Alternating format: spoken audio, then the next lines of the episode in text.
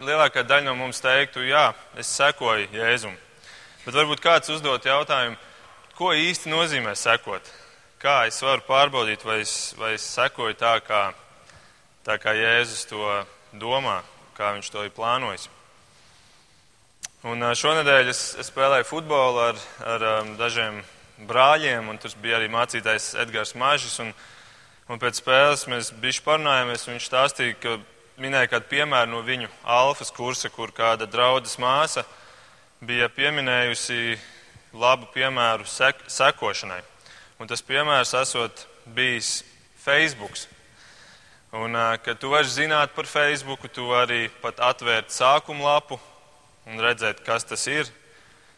Bet, ja tu nespēji ielugoties, tad tu nevari būt sekotājs. Tev ir jāzina, kā tikt tur iekšā. Un, um, tā varbūt ir viena no atbildēm, ko nozīmē sekot, bet mēs šodien vēlamies dot Jēzum vārdu un ļaut viņam atbildēt šo jautājumu, kā mēs varam saprast un zināt, vai mēs tev sekojam. Un viņš šodien dod ļoti konkrētu pazīmi, ko var redzēt tajos cilvēkos, kuri ir viņa sekotāji. Un tāpēc es aicinu atvērt šodienas raksturvietu, kas ir Mateja evaņģēlijas 4. nodaļa.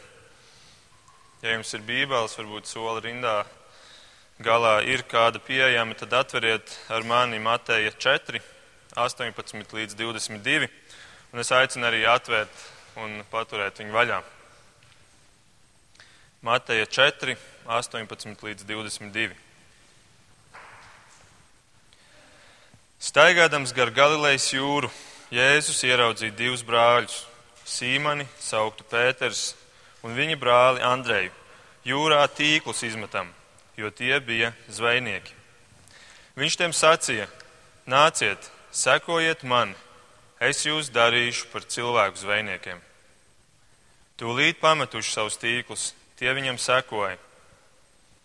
No turienes tālāk iedams viņš ieraudzīja citus divus brāļus Jēkabu, Zebedeju dēlu un viņa brāli Jāni, kopā ar savu tēvu Zebedeju, laivā tīklus lai, laipām, lāpām. Un Jēzus viņus aicināja. Tūlīt pametuši laivu un savu tēvu, tie sekoja viņam. Un pirms mēs turpinam domāt par šiem vārdiem, es aicinu nolieksim galvas lūkšanām. Mīļais debes Tēvs, paldies par Tavu vārdu, Paldies, ka tas ir arī izaicinoši, un paldies, ka tas šodien būs izaicinoši. Lūdzu, dod, lai mēs katrs varam savu dzīvi arī izvērtēt pret šo vārdu, pret šo aicinājumu, pret šo pavēli, kur tu šodien dod. Lūdzu, svētī mūs uz to. To mēs lūdzam Jēzus vārdā. Āmen. Tātad Jēzus saka, ka tie, kuri seko viņam, būs atpazīstami kā kas? Kā cilvēku zvejnieki. Viņš saka, es jūs darīšu par cilvēku zvejniekiem. Un tas man atgādina Čārlza Spērģena vārdus. Katrs kristietis ir vai nu misionārs vai viltvārdis. Katrs kristietis ir vai nu misionārs vai viltvārdis. Citiem vārdiem sakot, ja tu esi sekotājs, tad tu būsi arī cilvēks zvejnieks. Un tas ir tas izaicinājums, ko es vēlos šodien dot mums, Tas varbūt būs nērti, arī man nērti, bet uh, tas ir ļoti vajadzīgs mums un tas ir ļoti vajadzīgs cilvēkiem, kuri ir ārpusē.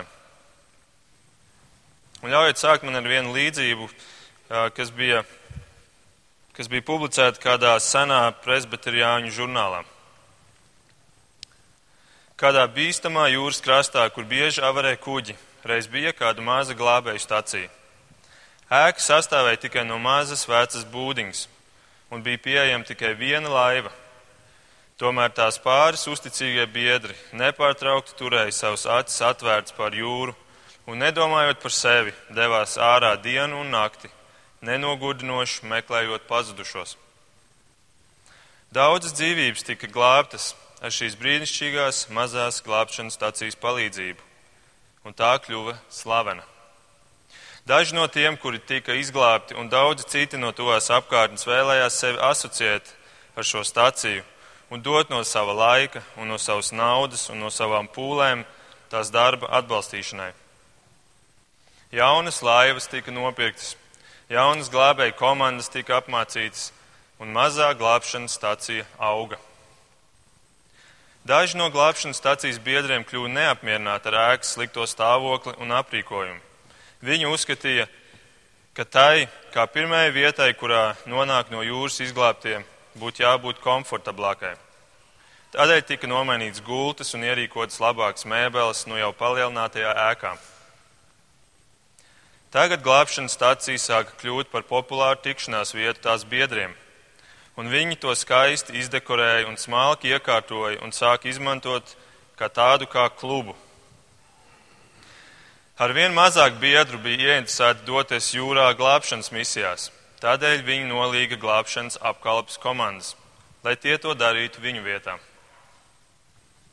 Glābšanas motīvs gan joprojām dominēja kluba dekorācijās, un telpā bija arī kāda simboliska glābšanas laiva, pie kuras klubs svinēja savas amatā ievešanas ceremonijas. Ap šo laiku kāds liels kuģis bija avarējis piekrastē, un nolīgtās glābšanas apkalpes komandas ienesa klubā baru nosalušu, slapju un pusnoslīkušu cilvēku. Viņi bija netīri un slimi, un dažiem no tiem bija melnā āda, un dažiem bija dzeltena āda. Skaistais jaunais klubs bija ievērojami cietis. Tādēļ īpašuma komiteja nekavējoties uzcēla dušu māju kluba ārpusē, kur cietušie varētu tikt nomazgāti pirms ienāks klubā. Nākamajā sēdē kluba biedru starpā radās šķelšanās. Lielākā daļa biedru vēlējās pārtraukt kluba dzīvības glābšanas aktivitātes sakarā ar to, ka tās ir nepatīkamas un ka tās ir šķērslis kluba normālai sociālai dzīvei. Daži biedri uzstāja uz glābšanas misiju saglabāšanu, jo tā esot kluba primārā jēga, papildus norādot uz to, ka to joprojām sauca par glābšanas staciju. Taču viņus beigās tomēr izbalsoja un piedāvāja uzsākt pašiem savu glābšanas staciju pa krāstu nedaudz uz leju, ja tik ļoti vēloties glābt viņu ūdeņos avarējušu cilvēku dzīvības. Un viņi to arī izdarīja. Gadiem ejot, jaunā stācija piedzīvoja tās pašas izmaiņas, kam bija gājusi cauri vecām. Tā pārveidojās par klubu, un atkal jauna glābšanas stācija tika izveidota. Vēsture atkārtojās, un ja jūs šodien apmeklētu šo vietu, jūs krastā redzētu daudzus ekskluzīvus klubus. Kuģi joprojām avarē bieži šajos ūdeņos. Tomēr lielākā daļa cilvēku noslīkst. Citādi beigas. Cik laba līdzība par draugu, vai ne? Par draugu un tās lielo misiju iet un doties, darboties cilvēku glābšanā. Un man liekas, cik trāpīga arī līdzība šodienas situācijai. Daudz draugu ir pasaulē, daudz draugu mums ir Latvijā, bet cik daudzām ir joprojām šis primārais mērķis? Man patīk, ir kāds labs salīdzinājums, kur bija teikts, ka draudzēji ir misija un misijai ir draudze. Jautājums ir, ja joprojām ir un pastāv šī vajadzība pēc misijas, vai joprojām tai ir pieejama draudzība? Un kā ir ar mums, ar, ar Vīlandi? Viena no mūsu trim šeit zemāk minētajiem pamatvērtībām, jeb, jeb balstiem, ir misija. Un tomēr draudzes sastāv no daudziem cilvēkiem. Un tas, ko šie cilvēki dara, veido to, da, kāda ir draudzene un ko draudzene dara.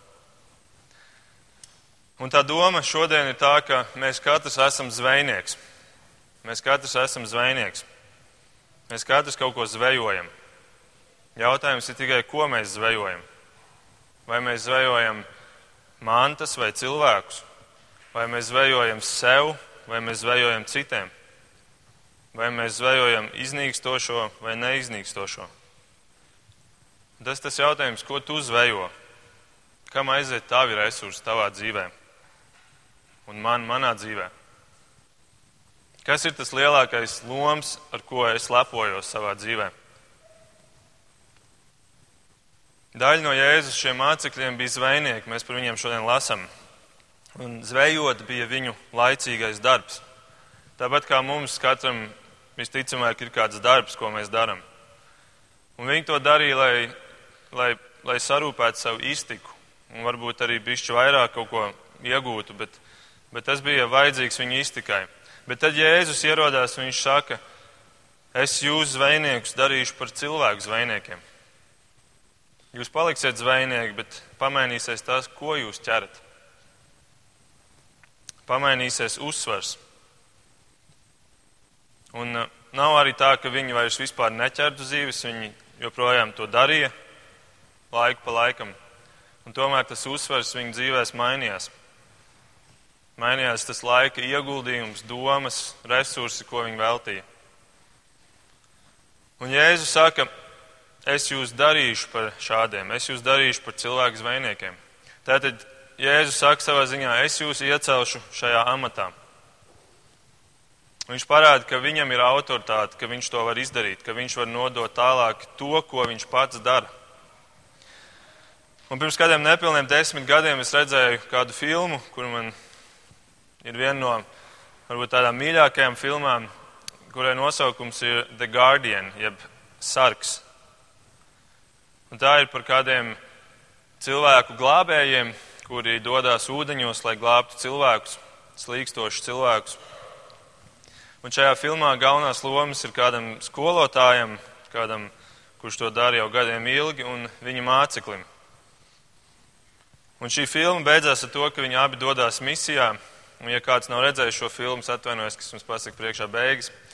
Bet viņi abi dodas misijā, un, un beigās notiek tā, ka šis skolotājs atdod savu dzīvību lai varētu māceklis izglābties. Viņi abi nevar izglābties, un viņš atdod savu dzīvību, lai šis māceklis var palikt dzīves. Un viņš pats noslīkst filmas beigās. Un tad atskan filmas pēdējie vārdi, kur ir teikts tā: Ir kāda leģenda par vīru, kurš dzīvo zem jūras. Viņš ir cilvēku zvejnieks. Pēdējā cerība visiem tiem, kuri ir atstāti tur vieni. Un līdzīgi ir ar mūsu skolotāju, ar mūsu kungu, kurš pats bija cilvēks zvejnieks. Viņš bija cilvēku zvejnieks. Un viņš deva savu dzīvību par mums, un tomēr viņš turpina dzīvot un viņš turpina zvejot cilvēkus.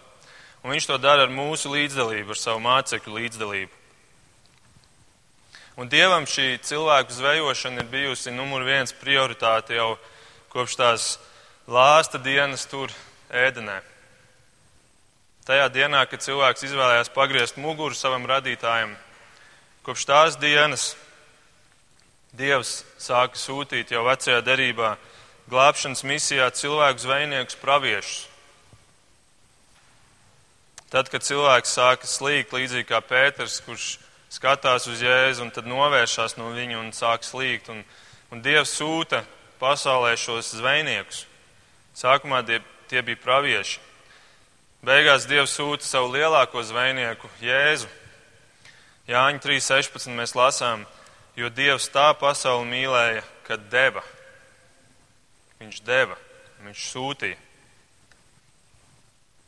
Un tā tad Jēzus pats bija cilvēku zvejnieks, un pēc aiziešanas atpakaļ pie tēva viņš turpina iecelt amatā cilvēku zvejniekus.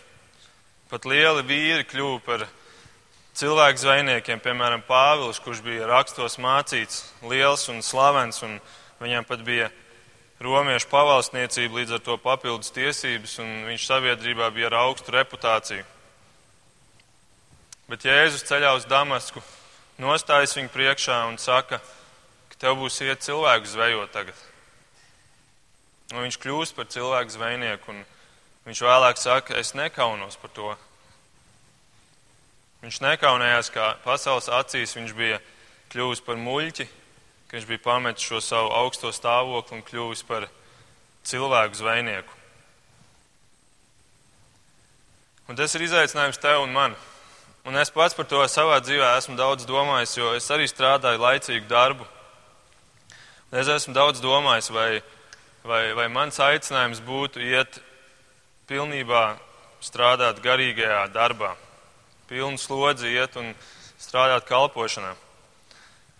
Bet tad man kāds cilvēks reiz teica, ka ej tur, kur tu vari dot vislielāko ietekmi. Un tas man ir palīdzējis arī novērtēt to vietu, kurā es strādāju arī laicīgajā darbā. Šonadēļ es biju uzaicināts um, lasīt lekciju par dizainu vienā no Latvijas lielākajām reklāmas aģentūrām. Un, un, uh, tur es mēģināju atrast iespēju, kā, kā pastāstīt par, par Dievu. Ka, ja es runāju par dizainu, ka es varētu pateikt, ka es ticu, ka ir dizainers, kurš ir radījis šo pasauli. Un tā es viņiem stāstīju par biomīmikriju, kas ir zinātne, kur, kur cilvēki no dabas noskatās kādu, kādu elementu vai, vai kādu metodi, kas dabā tiek pielietota, un tad viņu imitē savos produktos, ko cilvēks rada. Un tādi ir ļoti daudz. Un tad es viņiem teicu, ka ja cilvēks pieliek tik lielas pūles, lai imitētu kaut ko, kas dabā jau ir pastāv, tad kādēļ, lai oriģinālais būtu pats no sevis radījis, radies bez pūlēm, bez, bez intelektuāla prāta, kas to būtu radījis? Un to es saku jums vienkārši kā iedrošinājumu, ka, ka tur, kur mēs esam savā laicīgajā darbā, tur arī mēs varam būt cilvēku zvejnieki. Mums nav jāiet un vienmēr jābūt pilnībā, nod, pilnībā uz pilnu slodzi garīgajā darbā. Paliekam tur, kur mēs esam, bet liekam pareizo uzsvaru. Lai zveja nav tikai sev un, un laicīgiem. Un Jēzus, manuprāt, ir labi izvēlējies šo metaforu cilvēku zvejnieks. Viņš varēja arī citus, citas frāzes izmantot, citus salīdzinājumus, bet viņš saka šiem vīriem, kuri paši bija zvejnieki, ka es jūs darīšu par cilvēku zvejniekiem.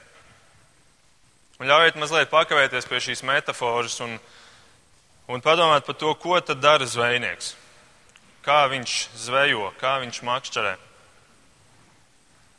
Un es vēlos varbūt kādus trīs elementus izcelt. Un, un, un, protams, ir jāuzmanās metaforās, ka nevar iet pārāk tieši skaidrotās. Tad var iebraukt grāvī, bet es domāju, šis ir labs piemērs, kur mēs varam kādas trīs lietas izlobīt un, un salīdzināt ar savām dzīvēm. Tātad, ko dara zvejnieks? Pirmkārt, viņš dodas jūrā. Viņš dodas. Jēzus saka, nāciet, sekojiet man, es jūs darīšu par cilvēku zvejniekiem. Viņš saka, nāciet, izejiet ārā no turienes, kur jūs esat, un nāciet, spēriet to soli. Es jūs vedīšu uz citu vietu, kur jūs, kur jūs varēsiet būt noderīgi. Un kā jau teicu, tas nevienmēr nozīmē iet prom no sava patreizējā darba un iet tikai kalpošanas darbā. Bet tas nozīmē to, ka tu izēj ārā no savas komforta zonas. Zvejniekam iziet no komforta zonas nozīmē iekāpt laivā un doties jūrā, doties riska zonā, doties tur, kur daudz cilvēki noslīkuši, arī zvejnieki. Un mēs to labi arī redzam tagad bēgļu kontekstā, kur cilvēki brauc ar laivām pāri vidus jūrai un uh, citām vietām, un, un daudz noslīkst. Zvejnieks vispirms dodas. Viņš dodas un viņš ir gatavs iet ārā, iet tur, kur ir cilvēki. Zivs ir jūrā, zivs ir tur ārā un viņš dodas uz turieni. Un tas ir aicinājums arī mums doties pretī, nedzīvot tikai savu dzīvi tādā savā kristīgo draugu lokā, bet doties ārā. Un, ja tu strādā darbu, kas, kas nav tikai garīgais darbs, tad tu jau esi tur ārā. Un tā ir tava vieta, kur tu vari būt šo cilvēku vidū, kur tās zīves ir. Otrkārt, zvejnieks lieto kādu instrumentu. Ne? Zvejnieki neiet un neķer ar rokām zīves. Tas ir ļoti grūti. Varbūt kaut kāda aborigēna to vēl dara šodien, bet, bet zvejnieki lieto instrumentu. Vai nu tas ir tīkls, kā šajā piemērā, vai tā ir makšķere. Un kas tad ir cilvēku zvejnieka instruments? Kas ir tas tīkls cilvēku zvejniekam? Tas ir Dieva vārds. Jo ne mūsu pašu runa pārliecina cilvēkus, bet Dieva vārds pārliecina. Cilvēku jaunpiedzimšana notiek caur Dieva vārdu, Pēters, šis zvejnieks Pēters saka, raksta savā vēstulē 1. Pētera 1.23, jo jūsu atzimšana nav no iznīcīgas sēklas, bet no neiznīcīgas, caur Dieva dzīvo un paliekošo vārdu. Jeb Jēkabs 1.18 raksta, viņš mūs ir izvēlējies un atzemdinājis ar patiesības vārdu. Viņš mūs ir atzemdinājis ar patiesības vārdu. Un šajā teikumā, ko Jēkabs pasaka, ir vēl viena interesanta doma. Viņš saka, viņš mūs ir izvēlējies. Mēs pašreiz kādreiz bijām šīs zivis, un, un viņš izvēlējās mūs glābt. Viņš izvēlējās, ka mēs būsim tajā lomā. Tā ir viņa izvēle. Un Jēzus to labi ilustrē ar to notikumu, ko Toms ievadā lasīja no Lūkas 5, 1 līdz 11 ka Jēzus ir tas, kurš dod šo zivju baru. Viņi bija nostrādājuši dienu un nakti, un viņiem nekas neķērās. Un tad Jēzus saka, ejiet, un, un es jums došu. Jēzus to dara caur savu vārdu. Mums ir jārūpējas par to, ka, mēs, ka mūsu instruments ir kārtībā, ka viņš ir salāpīts, ka tas tīkls ir salāpīts, ka varbūt tas āķis ir ass Tas ir mūsu uzdevums, tā ir mūsu atbildība. Tāpēc mums ir jāstudē Dievvvārds, mums ir jāsaprot, ko Jēzus māca. Bet tad, kad mēs to esam izdarījuši, tad tas, cik daudz dzīves pieķersies, tā ir viņa izvēle. Tas ir viņa darbs. Mums ir jārūpējas par dziļumu, un viņš parūpēsies par plašumu. Mūsu atbildība ir dziļums, bet viņa atbildība ir plašums. Mūsu atbildība ir kvalitāte, viņa atbildība ir kvantitāte. Un ebrejiem 4.12 ir teikts, ka Dieva vārds ir kā az zobens, kā apusgriezīgs zobens. Līdzīgi kā makšķerēji āķis, tu nevarēsi neko noķert, ja tavs āķis būs truls. Tu varēsi varbūt bišķiņu pabakstīt dzīves, bet tu nevarēsi neko noķert. Tātad zvejnieks pirmkārt dodas ārā, otrkārt viņam ir instruments. Un treškārt viņš izraisa nāvi. Un, kā jau teicu, metaforu var pārspīlēt, un, un varbūt kāds tagad domā šeit, nu, te tagad mēs jau esam bišķiņi pa tālu aizgājuši, jo kāda, kāda gan nāve ir makšķerēšanā. Tu domā, mēs ejam glābt cilvēkus, lai viņus nonāvētu? Tas jau izklausās vairāk pēc radikālā islāma. Vai varbūt, ja ne fiziski nonāvētu, tad varbūt nonāvētu viņu dzīvē prieku, baudu, neatkarību? Varētu tiešām domāt, ka nē, nu, šeit nāvi neiedarās. Tā ir tāda neveiksmīga metafors pārspīlēta skaidrošana varbūt. Un tomēr es teiktu, iedarēs gan, jo nāve ir daļa no cilvēka zvejniecības. Tāpat kā no parastās zvejošanas. Ja tajā nav nāves, tad tas ir bezjēdzīgi. Tu neķer zīves tikai tādēļ, lai iemestu tīklus un lai viņi tur saķerās zem ūdens un tur paliek mūžīgi. Tu viņus cer tādēļ, lai tu viņus varētu izvilkt ārā. Bet ja tu izvelc ārā, tad šīs zivis nomirst. Bet tad, kad viņas nomirst, tad viņas kļūst par svētību daudziem citiem. Atcerieties, Jēzus rokās divas svētītas zivis spēja paēdināt tūkstošus. Un tāpat ir ar garīgo cilvēku zveju. Tev ir jānomirst vecajai dzīvei, lai tu varētu augšām celties jaunā. Un tāds evaņģēlijs mums ir jāsludina cilvēkiem, kas liek viņiem atzīt savu stāvokli, ka, mēs, ka, ka viņš ir lemts nāvei. Un tad viņam ir jānomirst Kristū šai nāvei nolemtajai dzīvei un jāpiedzimst jaunai dzīvei. Tā kā Pāvils to saka Galatiešiem 2.19. Līdz ar Kristu es esmu pienaglots krustā, tādēļ nevis es dzīvoju, bet manī dzīvo Kristus. Ja nav nāvis, tad cilvēku zvejniecība ir bezjēdzīga.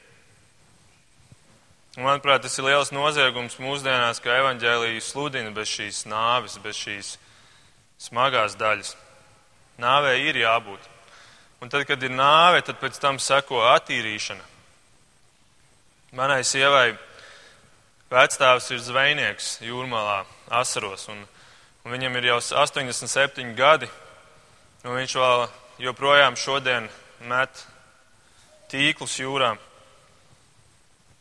un dodas ar laivu un izmet tos tīklus, tad pēc dienas vai vairākām, tad, kad laika apstākļi atļauj, tad viņš dodas pakaļ. Un, un, protams, viņš to dara jau retāk, un savā ziņā omāma par to ir priecīga, ka tas notiek arvien retāk. Kādēļ? Tādēļ, ka attīrīšanas darbs ir diezgan grūts darbs. Attīrīt zīves tas ir grūts darbs. Bet tas ir vajadzīgs darbs, pirms tu vari lietot šīs zivis. Un arī Dievs veic šo grūto attīrīšanas darbu pie mums. Viņš attīra tādēļ, lai pēc tam viņš varētu lietot šos cilvēkus. Tur, kur notiek cilvēku zvēja, bez, šīm, bez visām šīm komponentēm, tur, tur, tur zivs sapūst un beigās ir nelaime ir, ir lielāka nekā tad, tad, tad kad šīs zivs vēl netika vispār zvejota. Nu Jēzus mums pavēla sekot viņam un ļauties, ka viņš padarīs mūs par cilvēku zvejniekiem. Bet interesanti arī tas, ka viņš nesaka tikai nāciet, sekojiet man un, un kļūstiet par cilvēku zvejniekiem. Viņš nesaka lūdzu kļūstiet, vai ja jūs vēlaties, jūs varat kļūt, tā ir viena no iespējām. Nē, viņš saka, es jūs darīšu par cilvēku zvejniekiem. Viņš apsola padarīt mūs spējīgus zvejot. Tā ir atkal viena no tām spējām, kuras mums, kristiešiem, ir dotas, kuras pasaulē nav. Tāpat kā Kalns vētrunā, es jau esmu pieminējis, ka viņš saka, jūs esat pasaules gaisma. Un tas vārds grieķu valodā ir, ka jūs ekskluzīvi, jūs, tikai jūs esat pasaules gaisma. Tikai jūs esat tie gaismas stari tumšajās okeāna dzīlēs. Jūs esat cilvēku zvejnieki. Un kā jau minēju, jautājums ir tikai tas, vai es zvejoju arī tiešām cilvēkus. Es esmu. Jēzus mani padara, bet vai es to arī daru? Man ir dot šī spēja, bet vai es to izmantoju? Un, ziniet, Dievs uzreiz pēc mūsu atgriešanās varēja mūs vienkārši paņemt prom no šejienes. Kā tāds mīlošs tēvs, kurš paņem mūs prom un aizved uz vietu, kur ir daudz labāka dzīve, kur nav visu šo problēmu, kur nav visu šo izaicinājumu. Viņš to varēja darīt, bet viņš izvēlējās mūs atstāt šeit. Jautājums ir, kādēļ?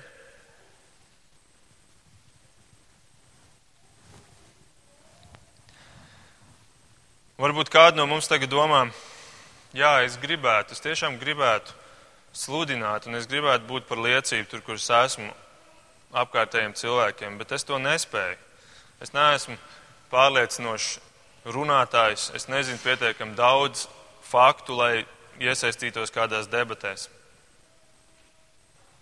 Bet ļaujiet uzdot jautājumu, kādi bija Jēzuma pirmie cilvēku zvejnieki? Kādus viņš izvēlējās? Vai viņš izvēlējās augsti celtos un labi mācītos garīdzniekus, gudros priesterus un rabīnus? Nē, viņš izvēlējās zvejniekus, nemācītus vīrus. Dievs saka, ka viņš augstos pazemo un zemos paaugstina. Un šī viņa izvēle izvēlēties šos zemos, tas bija spļāviens sejā visai tai garīgajai elitei Izrēlā. Bet viņš izvēlējās šos zemos, nemācītos vīrus. Un tad jautājums ir, vai Jēzus viņus izvēlējās tāpēc, ka viņi bija tik ļoti iejūtīgi un līdzjūtīgi un viņiem tik ļoti rūpēja citi cilvēki. Varbūt tas bija tas iemesls. Varbūt tāpēc viņi kļuva beigās par tik lieliem cilvēku zvejniekiem. Atbildi nē. Viņi nebija ne iejūtīgi, ne līdzjūtīgi. Piemēram, viņi nebija pārāk viesmīlīgi. Lūkas evanģēlī 9. nodaļā, te, kad šie mācekļi redz to lielo pūli ar pieciem tūkstošiem vīru un vēl papildus tur sievas un bērni, un lai viņi lai viņam nebūtu pašiem jārūpējās par, par viņu paēdināšanu, viņi iesaka Jēzum, lai viņš sūta viņus prom, lai viņi iet un paši prasa vietējos ciemos ēdienu. Ne, tas nav pārāk viesmīlīgi. Vai citā vietā mēs redzam, ka viņi bija kūtri piedot. Pēters jautā Jēzum, vai pietiek piedot septiņas reizes? Jēzus atbild, nē, Pēters, septiņas reizes, septiņdesmit reizes. Viņiem arī ar garīgo kalpošanu gāja diezgan pasmagi. Tā kā Jēzus stāstīja līdzības, viņi lielākoties tās nesaprata. Jēzus viņiem atkārtoja dažādas lietas, viņi to neustvēra. Ticība viņiem bija tik maza, ka Jēzus par to brīnījās. Lūkšana vakarā ģecamans dārzē viņi vairāk kārtīgi pat aizmiga. Diez vai viņi bija daudz labāki par mums. Diez vai viņi sekoja Jēzum un kļuva par cilvēku zvejniekiem savas karstās un lielās tuvāko mīlestības dēļ. Nē, bet bija kāds cits iemesls, kādēļ viņi varēja kļūt par šiem lieliem vīriem. Un tas ir tas, kas ir mūsu rakstvietā minēts 20. pantā. Apskatieties! Tūlīt pametuši savus tīklus, tie viņiem sekoja, tie viņam sekoja. Un 22. pantā tūlīt pametuši savu laivu un savu tēvu, tie sekoja viņam. Viņi paklausīja. Viņi tūlīt paklausīja, un, un Jēzum ļoti patīk paklausība. Jūs atceraties, mēs par to runājām. Paklausība ir pazīme, vai tu mīli viņu. Jēzum patīk paklausība, un ar tiem cilvēkiem, kuri varbūt ir nespējīgi, bet kuri ir paklausīgi, ar tiem viņš spēj izdarīt lielas lietas dzīvē. Tas ir cilvēks, kurš ir kā māls rokā, no kura Jēzus var kaut ko uztaisīt, to, kas viņam ir vajadzīgs. Un tik daudz cilvēku dzīvo ar, ar, ar sajūtu, ka viņu dzīvē nav jēgas un nav piepildījuma. Pietikt vienkārši sākt ar paklausību un sekot Jēzum. Un, un viņš no mums, mums katra var uztaisīt cilvēku zvejnieku. Un uh, katrs cilvēks, kurš tiek izglābts, tas, tas atspogļojas debesīs. Debesis svin svinības par katru izglābto un dvēseli. Un es ticu, ka tie cilvēki, kuri ir paklausīgi un kuri ļauj Jēzum veidot no sevis šos cilvēku zvejniekus, ka tie saņem vislielāko gandarījumu, kādu tu vari saņemt dzīvē. Vispaliekošāko. Šiem 12 vīriem dzīvē parādījās jēga no tā brīža, kad viņi cēlās un sekoja Jēzum. Un šodien šeit, Vīlandē un, un Latvijā, mēs redzam augļus šai paklausībai. Viņu celšanās dēļ tajā dienā tur, Ģecemanē, es atvainojos tur um, pie ģenicerētas ezera, viņu celšanās dēļ mēs šodien zinām par šo vēsti. Bet mūsu celšanos gaida nākamās paudzes. Un ne tikai nākamās, bet cilvēki mums apkārt, cilvēki, kuri slīkst un slīks mūsu ūdeņos. Es dzirdēju kādu statistiku, ka 95% kristiešu nekad nav aizveduši nevienu pie Kristus. 95% kristiešu. Es negribu ticēt, ka tā ir patiesība. Es ceru, ka tā nav. Bet, ja tā ir patiesība, tas nozīmē, ka 95% cilvēku zvejnieku nezvejo cilvēkus. 95%. Kaut gan agrāk, tajā dienā bija citādāk. Reiz bija 12 zvejnieki, un 11 no 12 zvejniekiem izpildīja savu uzdevumu un vēda cilvēkus pie Kristus, zvejoja cilvēkus. 11 no 12. Kaut šodien tā būtu, ka no visiem kristiešiem kaut vai 11 no 12 būtu tādi, kur zvejo cilvēkus. Un, ja tā būtu, tad jautājums ir, kurā ailītē būtu mans vārds. Un, ziniet, es ticu arī, ka katram cilvēkam ir kāds skaitītājs debesīs. Protams, viens sēž, otrs pļauj, un abiem skaitās šie augļi. Abi nes šos augļus. Viens sagatavo tīklu un izmet tīklu, cits izvelk šo tīklu ar zivīm. Atcerieties, es stāstīju par to filmu, un tajā filmā šis māceklis, sākot savu apmācības kursu, ienāk, ienāk um, mācību zālē, un viņš redz pie sienas kādu dēli karājamies. Un pie tā dēļa ir uzrakstīti visi darbinieki, visi glābēji, viņu vārdi. Un pie katra šī vārda blakus ir skaitlis. Skaitlis, cik cilvēkus šis glābējs ir izglābis. Un pie kāda ir piecinieks, pie kāda desmitnieks, pie kāda divdesmitnieks. Bet tad viņš paskatās uz pirmo vietu, un viņš redz, ka tur ir šis skolotājs, kuram ir vairāk kā 200. Un es ticu, ka arī debesīs mums ir šāds, šāds dēlis. Mēs varbūt to sauktu par dzīvības grāmatu, kurā, kurā viss šis ir pierakstīts. Un es ticu, ka katrs no mums arī saņems algu par to, ko mēs šeit darām. Kādi cilvēki zvejnieki mēs esam. Atcerieties, 1. korintiešiem 3 no 11. pānta ir teikts tā. Citu pamatu neviens nevar likt kā to, kas jau ir likts, un tas ir Jēzus Kristus. Ja kāds ceļ uz šā pamata no zelta, sudraba, dārgakmeņiem, vai arī no koka, siena vai salmiem, ik viena darbs kļūs redzams Tā diena to parādīs, jo tas tiks atklāts ugunī, un kāds ik viena darbs būs bijis, to uguns pārbaudīs. Ja kāda darbs, ko tas uzcēlis, paliks, viņš saņems algu. Ja kāda darbs sadegs, viņš cietīs, tomēr tiks izglābts. Tātad mēs redzam, šeit ir runa par glābtajiem, un tomēr viņiem ir dažādas algas. Viņu darbiem ir dažādas vērtības. Jēzus arī Matei 20 saka, ka tie pēdējie būs tie pirmie un tie pirmie būs tie pēdējie, un šeit ir runa par glābtajiem.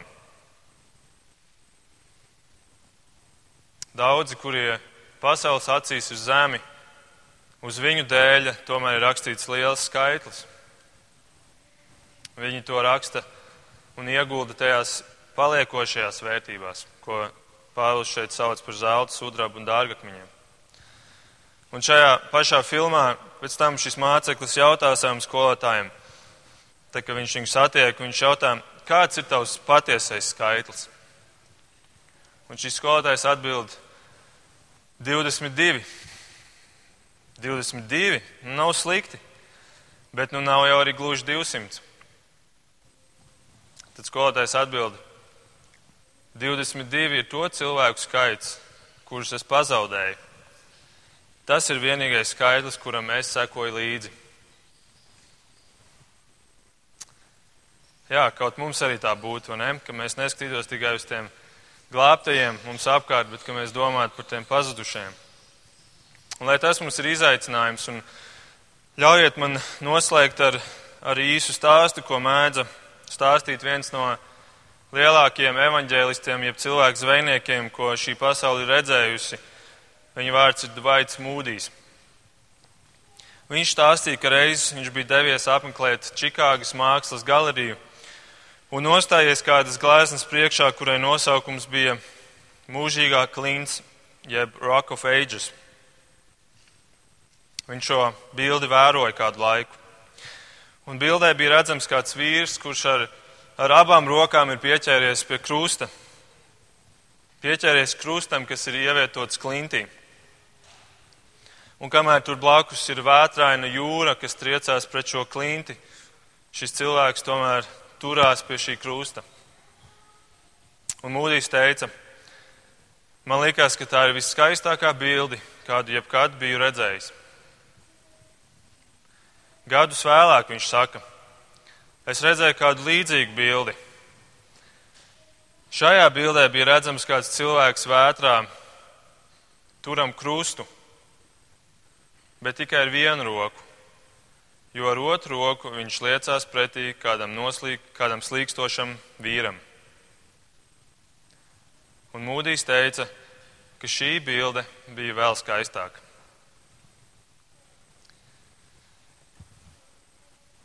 Lūksim Dievu!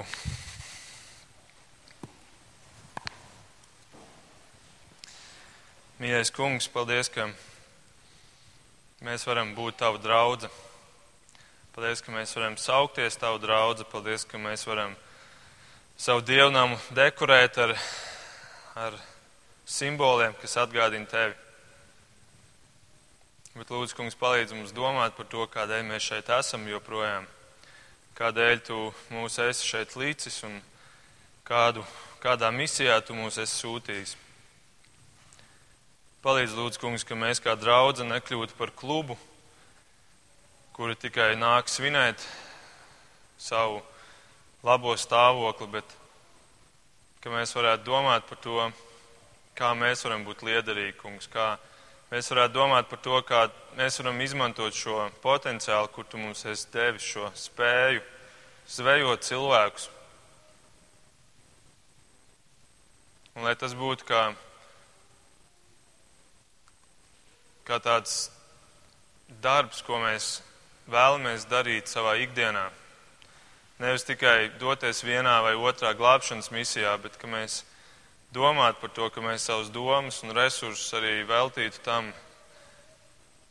lai mēs nezvejot tikai sev, nezvejot tikai mantas, bet ka mēs varētu zvejot cilvēkus. Paldies, kungs, ka mūsu katra ūdeņos ir ir tādi cilvēki, kuri, kuriem, kuriem nav citu glābēju apkārt. Varbūt mēs esam vienīgie. Paldies, ka tu mūs esi līdzi šajā vietā, kur mēs katrs esam. Un paldies, ka tu mums esi devis tik lielu atbildību, ka tu mums tik ļoti esi uzticējies un ka tu mūs sūti. Lūdzu, palīdzi mums būt uzticīgiem, kungs. Palīdz mums domāt arī, ka mēs savus instrumentus varam turēt gatavībā, ka tie var būt kārtībā, lai tu vari ar viņiem strādāt. Palīdz lūdzu, ka mēs būtu drosmīgi arī doties ārpus savas komforta zonas un ka mēs arī liktu uzsvaru uz tām lietām, kuras tev ir svarīgas, kungs, ka beigās šie cilvēki varētu arī nomirt vecajai dzīvei un piedzimt jaunai dzīvei. Paldies par žēlastību, kur mēs paši esam saņēmuši nepelnīti. Lai tev vienam ir gods un slāva un pateicība, kungs. To mēs lūdzam Jēzus vārdā. Āmen.